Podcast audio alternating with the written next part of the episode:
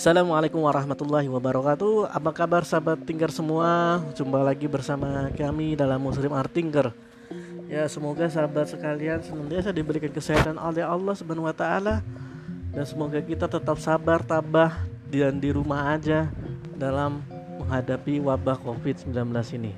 Ya. Pada pertemuan sebelumnya kita membahas tentang manusia itu secara individunya. Bagaimana dia sebenarnya adalah terdiri dari dua. Kalau kita lihat secara fakta yaitu ada naluri jasmani eh maaf ada kebutuhan jasmani ada naluri. Yang membentuk manusia itu hidup. Yang membentuk kehidupan manusia itu adalah dua hal tersebut. Kemudian untuk memenuhi keduanya itu tergantung daripada kepribadian manusia. Kepribadian manusia ditentukan oleh dua hal. Yang pertama pola pikir yang kedua adalah pola sikap. Pola pikir ini terkait dengan ideologi sedangkan pola sikap terkait dengan agama. Makanya Ketika seseorang mengambil Islam sebagai pola pikir dan pola sikap, maka terbentuklah kepribadian Islam yang sempurna atau sahsia Islamiyah. Berbeda sekali jika pola pikirnya itu berbeda ideologinya, walaupun mungkin pola sikapnya Islami dia beragama Islam, tetapi dia mungkin masih korupsi, masih main riba, kemudian dan lain sebagainya. Seperti contoh satpam di kompleks e, pelacuran. Nah, itu kan aneh, maka akan terbentuk e, kepribadian yang aneh Nah, itu manusia secara individu. Nah, pada kesempatan kali ini kita membahas manusia secara berkelompok atau yang biasa kita sebut masyarakat. Manusia ketika berkelompok itu disebut bermacam-macam. Di masjid disebut jamaah ketika pengajian. Manusia berkelompok disebut jamaah. Kemudian di sekolah siswa ikan kelompok. Kemudian di kantor para misal pekerja berkelompok berinteraksi akhirnya membuat sebuah serikat. Kemudian di tempat lain ada yang namanya komunitas dan lain sebagainya. Bagaimana manusia itu berkelompok berkelompok satu demi satu dengan yang lainnya. Termasuk adalah masyarakat. Nah apa itu masyarakat? Kita bahas sedikit tentang komunisme dan kapitalisme dalam mendefinisikan apa itu masyarakat komunisme mendefinisikan masyarakat itu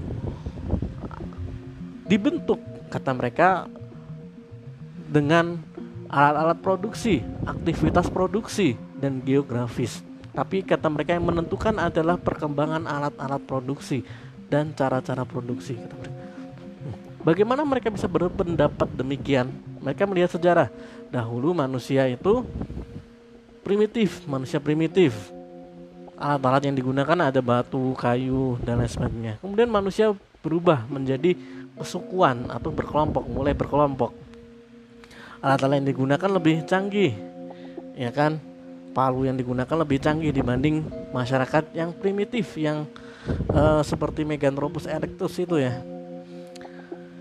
Kemudian meningkat, akhirnya mereka membutuh membentuk sebuah uh, kabilah atau mungkin membentuk sebuah uh, kekuasaan tertentu menunjuk satu kepala menjadi dari pemimpin di antara mereka. Ada yang disebut uh, kaisar ada yang disebut raja dan lain sebagainya. Kemudian kehidupan tersebut meningkat lagi menjadi kerajaan yang lebih besar menjadi kekaisaran menjadi negara alidaya misal seperti Romawi Persia. Peradabannya lebih maju alat-alat produksinya pun lebih maju. Ada apa namanya ya alat perangnya itu ada pedang, kemudian ada kapak bermacam-macam. Kemudian ada palu, ada arit dan lain sebagainya. Semakin lama semakin maju. Kemudian zaman sekarang di mana uh, setelah revolusi industri perkembangan teknologi berkembang pesat. Kemudian masyarakatnya menjadi masyarakat yang modern, modernis ya kan. Nah, sehingga mereka berkesimpulan bahwa terjadi evolusi. Evolusi masyarakat ditentukan oleh evolusi alat produksi. Jadi masyarakat dibentuk oleh masyarakat dibentuk oleh alat-alat produksi. Kalau alat-alat produksinya rendahan maka dia jadi masyarakat yang primitif. Jika alat-alat produksinya itu modern dia jadi masyarakat modern. Dan nanti kata mereka akan muncul masyarakat komunal yaitu merupakan akhir dari evolusi kata Karl Marx. Tapi faktanya tidak demikian. Teori mereka ini sekedar hanya teori yang berdasarkan metode ilmiah yang dilakukan terhadap ilmu sosial yaitu tentang masyarakat tentang kehidupan yang mana tidak bisa diukur dengan menggunakan alat-alat di laboratorium. Tidak bisa menggunakan metode uh, ilmiah. Sehingga dihasilkanlah kesimpulan yang salah dan bertentangan dengan fakta. Buktinya adalah jika kita lihat saat ini tingkat peradaban atau alat-alat produksi di negara-negara komunis dan negara kapitalis itu hampir sama antara China dan Amerika. Sama mereka punya tank, punya mereka punya rudal, punya mereka punya drone, punya kapal perang juga sama, mirip-mirip sama. Mereka sama-sama punya. Loh, padahal satu komunal, satu kapital, satu kapitalis, satu komunis, mas masyarakatnya berarti tidak ada hubungan apalagi kalau kita lihat 20 10 20 tahun ke belakang kita bandingkan Amerika dengan Cina, Amerika dengan Korea Utara. Justru masyarakat komunis alat-alat produksinya itu lebih jelek lah istilahnya kualitasnya lebih rendah. Tidak secanggih yang dimiliki oleh Amerika yang sudah memiliki roket untuk terbang ke bulan. 10 20 tahun yang lalu Cina misal produksinya barangnya adalah barang KW kualitas rendah. Apalagi Korea Utara. Tidak pernah kita lihat mobil buatan Korea Utara justru berkebalikan. Artinya teorinya ini bertentangan dengan fakta. Teori ini tidak benar dan sebenarnya tidak ada hubungan antara alat-alat produksi kecanggihan alat-alat produksi dengan perkembangan di masyarakat. Sehingga teori ini terpatahkan sama sekali bertentangan dengan fakta. Itu teori komunis. Dan kaum kapitalis mereka berteori bahwa hmm, masyarakat itu adalah kumpulan individu. Karena mereka mengadopsi yang namanya individualisme. Jadi dengan adanya liberalisme maka setiap individu berhak melakukan apa saja, memiliki apa saja, mengatur dirinya sendiri dan membeli apa saja. Sehingga antara individu-individu lain bebas melakukan apa saja asal tidak mengganggu kebebasan orang lain sehingga ini muncullah sifat yang disebut individualisme. Nah, dari pemahaman itu mereka mendefinisikan masyarakat itu sebagai kumpulan individu ditambah dengan mereka menggunakan teori himpunan matematika ya kan? Di mana kumpulan kucing jadi kucing gitu kan? Kumpulan manusia jadi kumpulan manusia. Maka sebut masyarakat. Padahal ternyata analoginya ini tidak benar sama sekali. Jika kita lihat fakta ternyata tidak setiap kumpulan individu itu bisa disebut masyarakat. Seperti tadi kumpulan pekerja yang ada di kantor. Bisa jadi dia serikat buruh ya kan? Bisa jadi hanya karyawan biasa tapi tidak bisa disebut masyarakat PT ABC misal. Atau mungkin di sekolah orang yang sekolah para siswa para murid para mahasiswa di kampus berkumpul mendengarkan ceramah dari dosen. Tidak bisa disebut masyarakat masyarakat Universitas DEF atau masyarakat SD 123 nggak bisa. Tidak bisa. Kita tahu sendiri kok. Bisa nggak kita bisa lihat fakta itu sendiri? Oh, berarti masyarakat itu bukan sekedar kumpulan individu. Di sini jelas sekali. Kalau kita lihat faktanya kita menggunakan metode rasional jelas sekali bukan kumpulan individu saja bukan sekedar kumpulan ada hal lain yang menyusun terbentuknya masyarakat. Ah, tapi pemahaman ini bahkan sampai meracuni umat-umat Islam. Meracuni umat Islam bahkan sampai meracuni uh, para penceramah kita.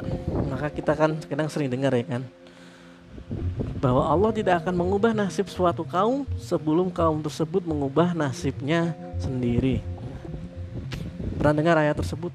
Nah, kemudian biasanya ada penceramah yang menambahkan dengan hal demikian bahwa kalau itu untuk mengubah masyarakat ini sebagai masyarakat yang islami antum harus soleh duluan harus islami juga.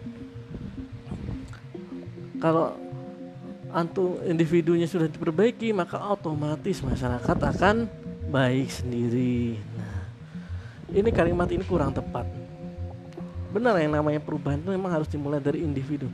Tetapi ketika hanya individu berubah mereka hanya merubah untuk dirinya sendiri faktanya tidak tercipta masyarakat yang baik.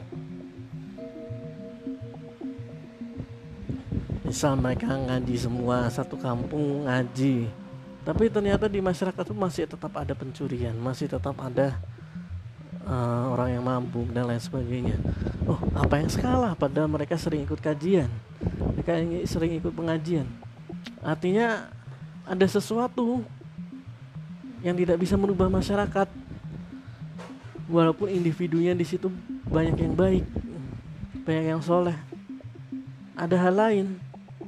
Ini artinya juga ada hal lain yang membentuk masyarakat. Sehingga definisi masyarakat ada kumpulan individu adalah salah total dan bertentangan dengan fakta. Lalu apa definisi dari masyarakat? Jika kita melihat faktanya masyarakat, kita bisa definisikan demikian bahwa masyarakat itu kumpulan individu yang menempati suatu wilayah. Kemudian ada interaksi di antara mereka Lalu interaksinya itu didasarkan atas tiga hal. Pertama, pemikiran. Yang kedua, perasaan. Ketiga, peraturan. Dan ketiganya harus sama. Baru suatu masyarakat tersebut dapat disebut sebagai masyarakat tertentu.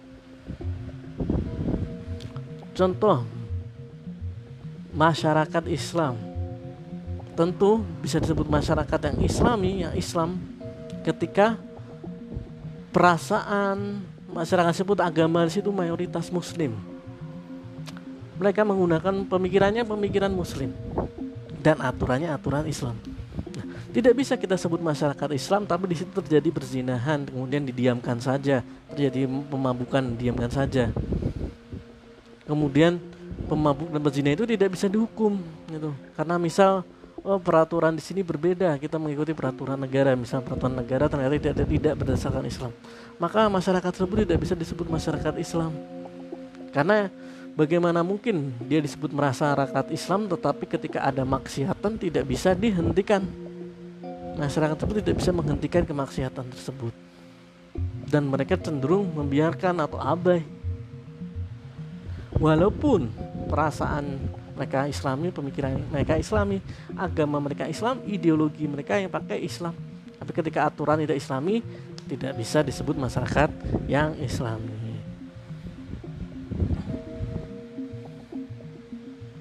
Sehingga sebenarnya peraturan ini yang sangat membentuk sebuah masyarakat. Menjadi masyarakat apa? Contoh ada kelurahan Kedung Kapur misal Kenapa bisa disebut masyarakat Kedung Kapur? Pertama karena wilayahnya.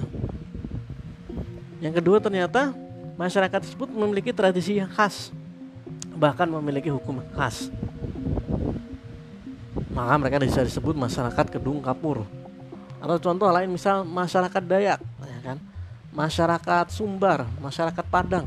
Mereka memiliki tradisi yang berbeda dengan masyarakat-masyarakat lainnya dan mereka memiliki hukum adat. Nah, adanya peraturan yang sama dalam masyarakat tersebut. Dan ternyata mereka memiliki perasaan dan pemikiran yang sama. Maka mereka bisa disebut sebagai masyarakat tertentu, masyarakat Dayak, masyarakat uh, Sumbar misal. Masyarakat Minang ya kan, masyarakat Aceh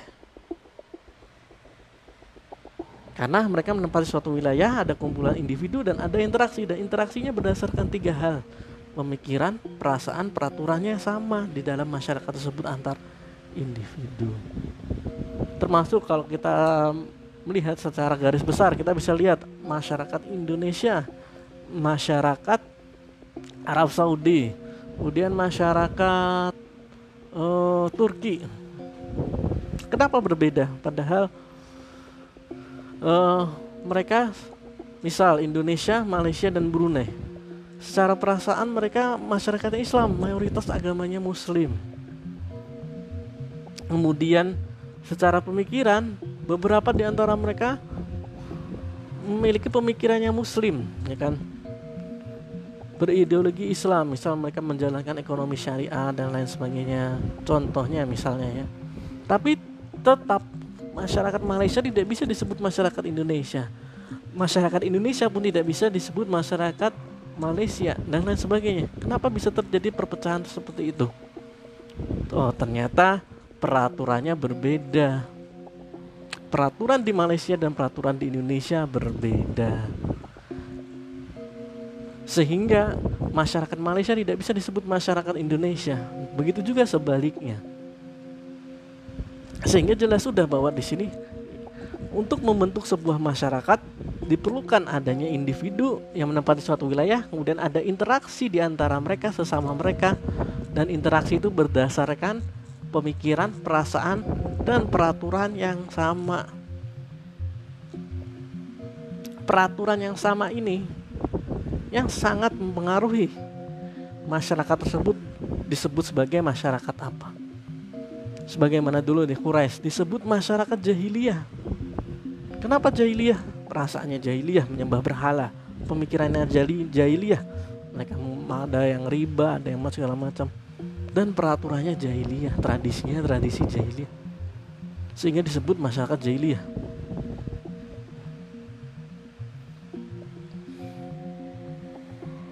Sekaligus tidak dapat kita katakan masyarakat Indonesia masyarakat Arab Saudi, masyarakat Turki itu masyarakat Islam. Karena peraturannya adalah peraturan Indonesia, peraturannya adalah peraturan Turki, peraturannya adalah peraturan Arab Saudi. Yang mana beberapa di antaranya bahkan banyak di antaranya berbeda dengan peraturan di Islam. Maka bagaimana mungkin dia bisa disebut masyarakat Islam?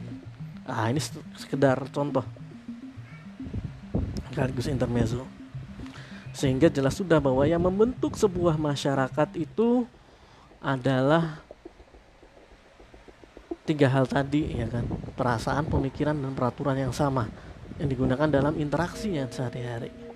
Nah lantas bagaimana Islam hmm, memandang masyarakat ternyata Islam memandang perubahan individu dan perubahan masyarakat itu adalah dua hal yang berbeda.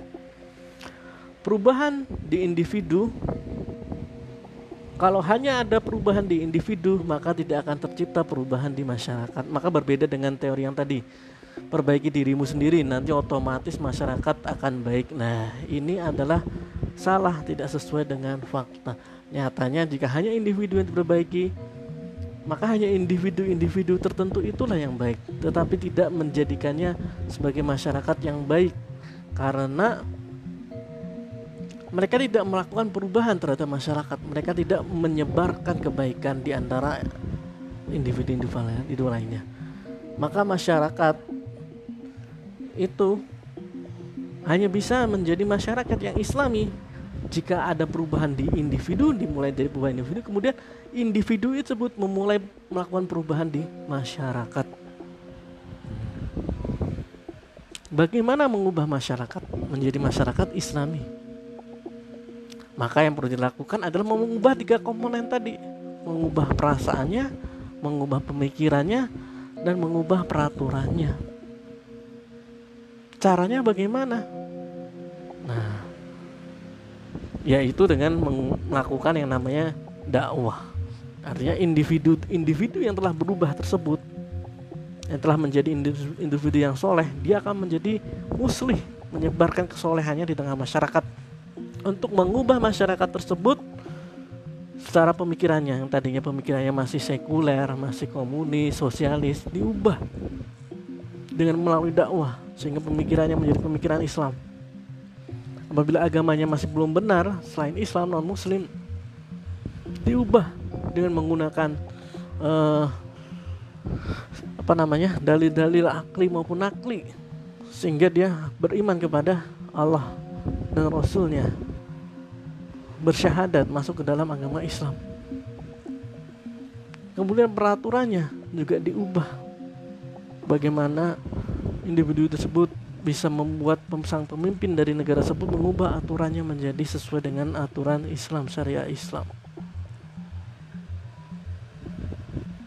Itulah bagaimana pandangan Islam mengenai cara Islam mengubah masyarakat. bukan sekedar mengubah individunya saja tapi harus ada usaha dari individu-individu itu memaham mengubah perasaan pemikiran dan peraturan yang ada di dalam masyarakat. Yaitu dengan apa? Dakwah. Menyebarkan kebaikan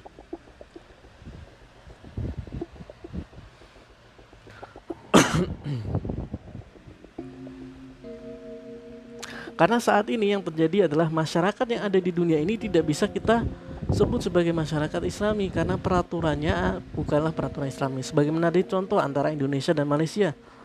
Walaupun sama-sama muslim, ideologinya muslim, Islam, tapi tidak bisa masyarakat Malaysia disebut masyarakat Indonesia. Ternyata peraturan inilah yang justru membuat perbedaan yang mendasar, membuat apa namanya masyarakat itu disebut sebagai masyarakat apa ini yang paling menentukan itu adalah peraturan. Sebagaimana Amerika, Inggris, kalau kita kelompokkan kira-kira maka kita sebut sebagai masyarakat kapitalis sekuler. Kenapa? Karena peraturannya adalah kapitalis sekuler. Cina, Korea Utara, masyarakat komunis misal, karena peraturannya komunis kan sekuler meskipun Cina sekarang lebih ke kapitalis. Jadi itulah definisi yang benar oleh dengan oleh apa terhadap masyarakat. Dan bagaimana seharusnya kita mengubah masyarakat? Bahwa kita tidak boleh terjebak oleh narasi uh, sekulerisme yang memandang masyarakat itu hanya sekumpulan individu. Sehingga akibat kita memandangnya demikian maka kita hanya fokus merubah individunya saja. Tapi kita tidak fokus merubah masyarakat. Tidak fokus mengubah pemikiran perasaan dan peraturan yang ada di dalam masyarakat. Sehingga untuk mengubah masyarakat itu berbeda dengan mengubah individu. Dan harus ada usaha bukan hanya sekedar mengubah individu tapi harus ada usaha untuk mengubah masyarakat. Sehingga dengan mengubah masyarakat maka masyarakat tersebut bisa kita ubah menjadi masyarakat yang islami bukan hanya individu-individu tersebut memiliki sahsiah Islamnya tapi masyarakat tersebut menjadi masyarakat yang Islamiyah. Ya, demikian mungkin podcast untuk minggu ini. Apabila ada saran, kritik, komen, lain-lain sebagainya, silakan menghubungi Instagram kami Muslim Artinker atau uh, halaman Facebook kami Muslim Artinker. Apabila ada kesalahan itu murni dari kami pribadi, apabila ada kebenaran itu datangnya dari Allah Azza wa Jalla. Wassalamualaikum warahmatullahi wabarakatuh. Salam pemikir.